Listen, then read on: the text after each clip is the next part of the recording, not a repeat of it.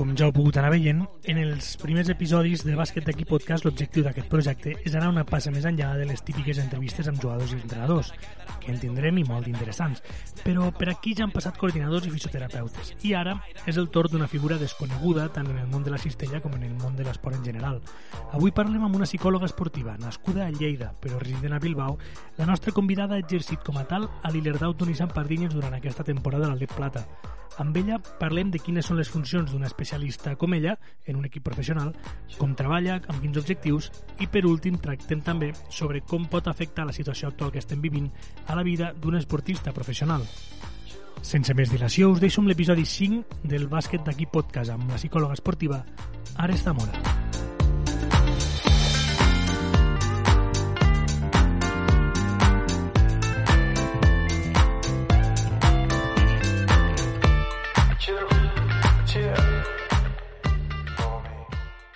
Comencem eh, explicant com, com t'introdueixes al món de la, de la psicologia, concretament la psicologia esportiva.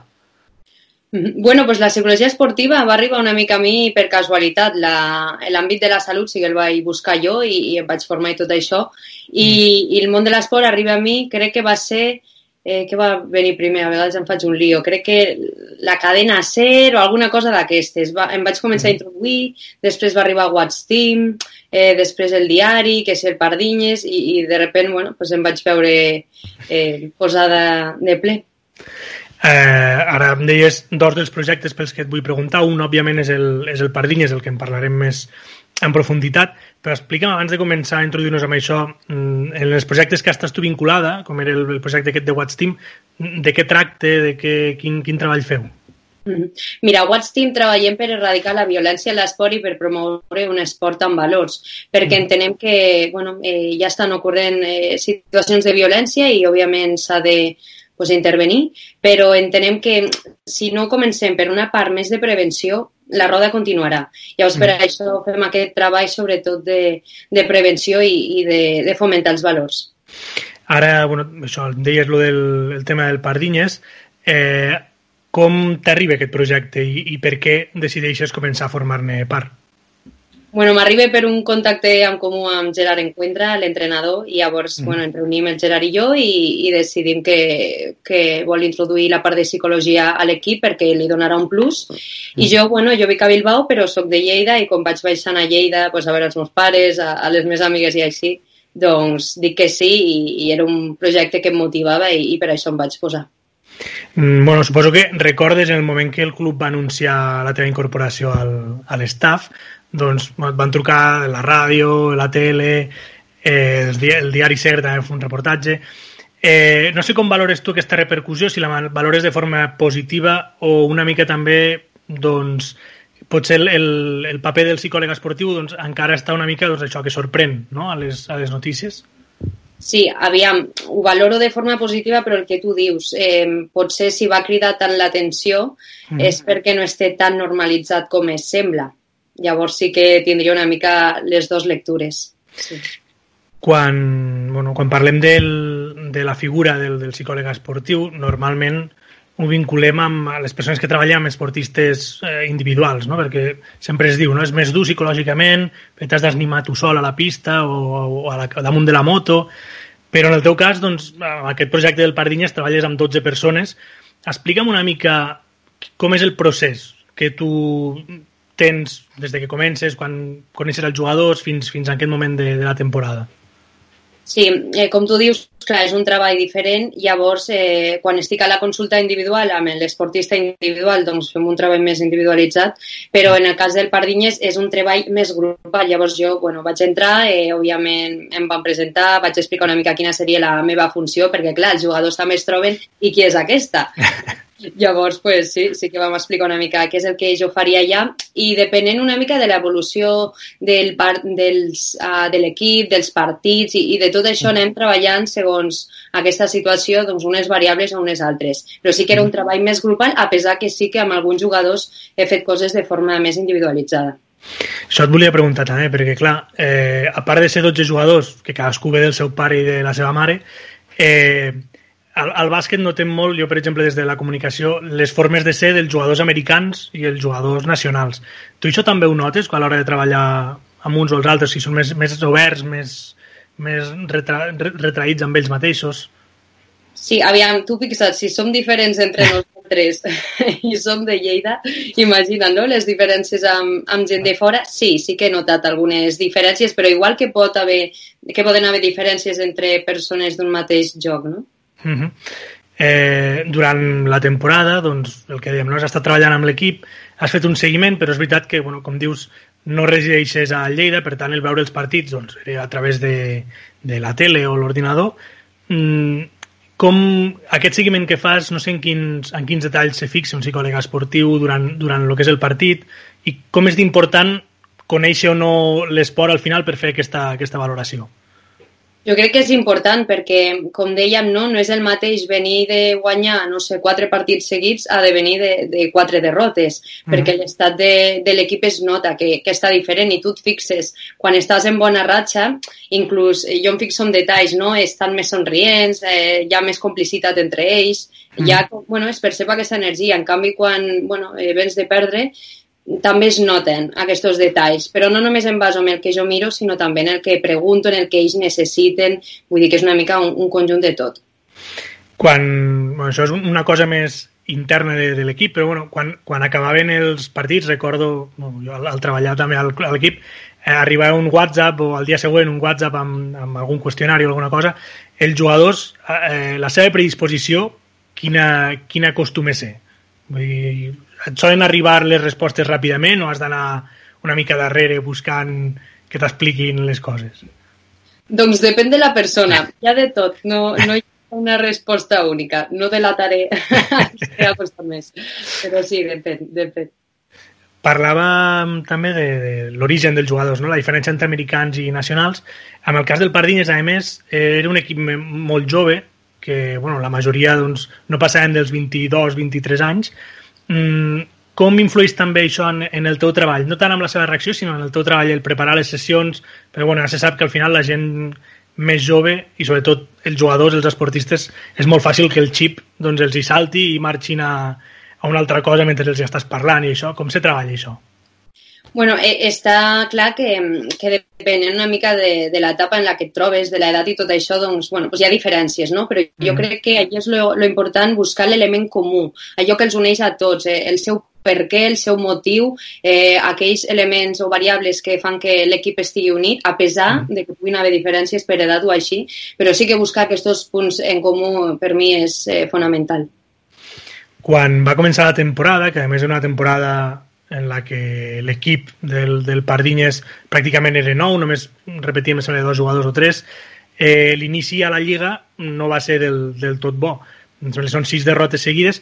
Tu arribes a, a, a meitat d'aquesta mala ratxa, després doncs, s'aconsegueixen bons resultats. Des de que tu arribes fins, a, fins ara, que encara no se sap res de la, del que passarà amb la temporada, quina valoració fas de l'evolució dels jugadors? Jo la valoració que faig és molt positiva. Al final eh, jo crec que tot aporta i, i que al final es nota no? quan vas rodant. Mm. Tinc que dir que jo també he estat quan han hagut derrotes, vull dir que un element. Sí, sí. eh, però jo he estat molt a gust treballant amb ells i, i, i per suposar la valoració és positiva. Quan treballes amb, amb un equip, suposo que, bueno, sí que et centres més amb els jugadors, però el cos tècnic també té una, una part important, perquè al final doncs, és una mica la, la connexió no? que hi ha entre ells.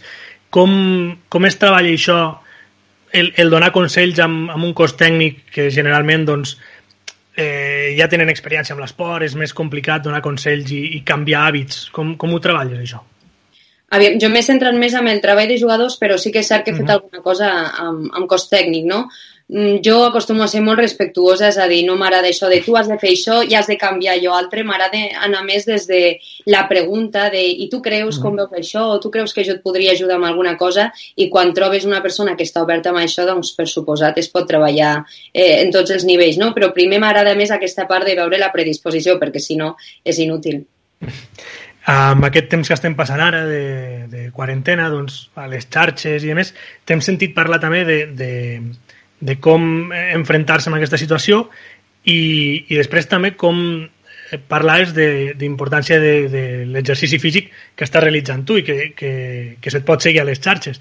Com, com veus aquesta, aquesta falta de, de fer esport, d'estar de, tancat a casa amb la mentalitat d'un esportista professional? Clar, en el cas de la gent, diguem, del carrer, eh, el fet mm. de poder començar amb rutines, que potser hi ha molta gent que no ho està fent, doncs és com una motivació, no? Clar, canvia el panorama quan et trobes amb un esportista que l'esport forma part del seu dia a dia, que ho està entrenant a, a, bueno, pues al seu màxim nivell i ara de sobte es troba en aquesta situació. En aquest cas, jo crec que ha estat molt important el restablir objectius i canviar, doncs, si abans no important per mi o en el que em centrava era això, doncs ara mm. he hagut de canviar algun unes prioritats, almenys durant aquest temps, per a tenir un, uns objectius que estiguin una mica en la línia de la situació, perquè si no eh, hi ha expectatives desajustades i pot eh, suposar un patiment. I en relació amb això també, no? els jugadors, eh, parlàvem amb l'entrevista de, bueno, amb un dels jugadors que sortirà dintre de poc amb un episodi, que clar, arriba el mes de maig, lo normal és que els jugadors estiguin pensant ja amb, el, amb el, la temporada que ve, amb, si aniran a un equip, aniran a l'altre, Eh, aquesta també situació de no saber què passarà d'aquí quatre mesos, si tornarà a la competició, si no, si han de pensar en fer una altra cosa, com, com es fa això, com es canvia aquest xip? Perquè clar, dir, canvia, has de canviar les, eh, els objectius, vale, però, però com ho fas si la teva vida és bàsicament això? Sí, la incertidumbre genera bastanta ansietat perquè al final és i què passarà o què serà de mi, no? Llavors, dintre d'un període d'incertidumbre que està clar que, que hi ha i no podem fer res, mm. eh, hem d'intentar anar a lo controlable, a lo que sí depèn de mi. És a dir, vale, potser no sé què és el que faré, però vaig a fer una pluja d'idees de possibles opcions i de cada possible opció què he de fer jo per anar cap a aquest camí.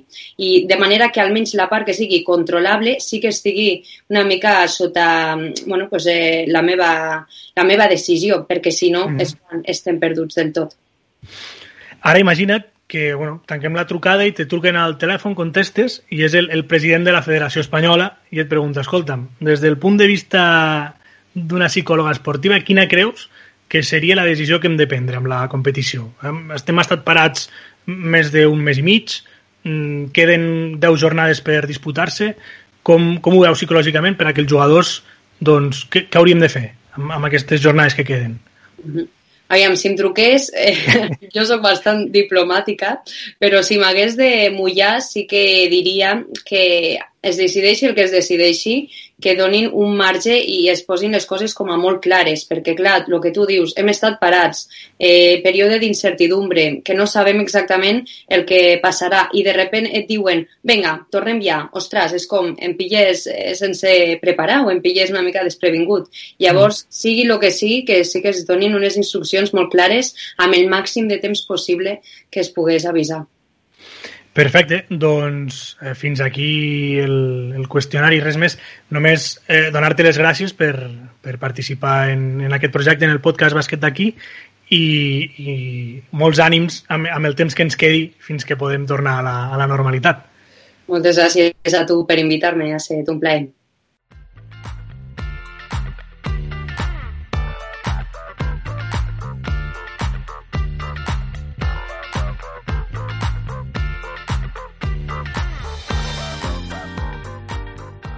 I fins aquí el cinquè capítol de les entrevistes de bàsquet d'aquí podcast. Una entrevista una mica més curta que les anteriors, però igual d'interessant.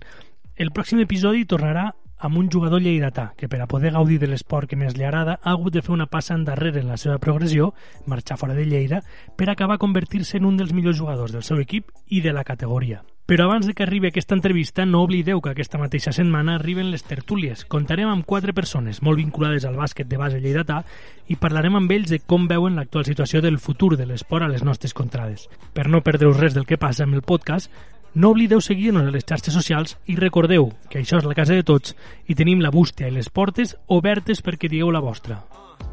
That's how we get it done, uh. That's how we get it done. Slide GBA, that's how we get it done.